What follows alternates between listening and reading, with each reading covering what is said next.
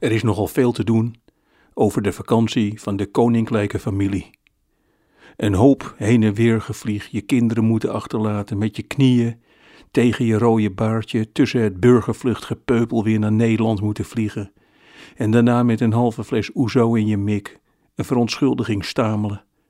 Dat is natuurlijk allemaal heel vervelend, maar ik was, als Griekenlandkenner, vooral heel erg teleurgesteld dat er een geweldige kans werd gemist om Nederlanders nu eens het ware verhaal over Griekenland te vertellen. Veel mensen denken bijvoorbeeld dat iedere Griek zijn deur roze verft en dat daar dan vanzelf een tandeloze oma of een schurftige kat voort gaat zitten. Maar dat is allemaal voor de toeristen.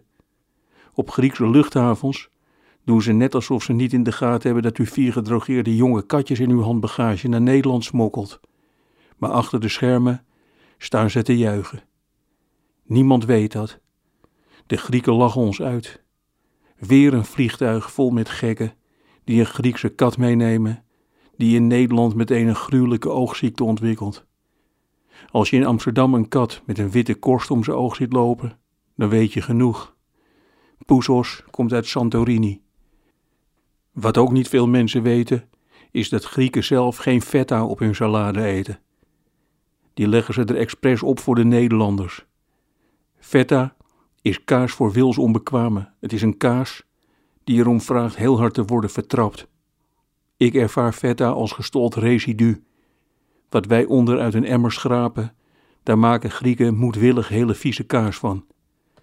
Woedend kan ik ook worden over het Nederlandse gelul over de Griekse tomaten. Oké, Italianen, die zijn het ergst.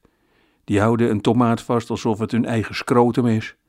Maar Grieken, die kunnen er ook wat van. Die presenteren de tomaat als iets wat God op zijn vrije zondag nog even snel in elkaar heeft zitten knutselen. En Nederlanders, die trappen daarin. Let u daar maar eens op.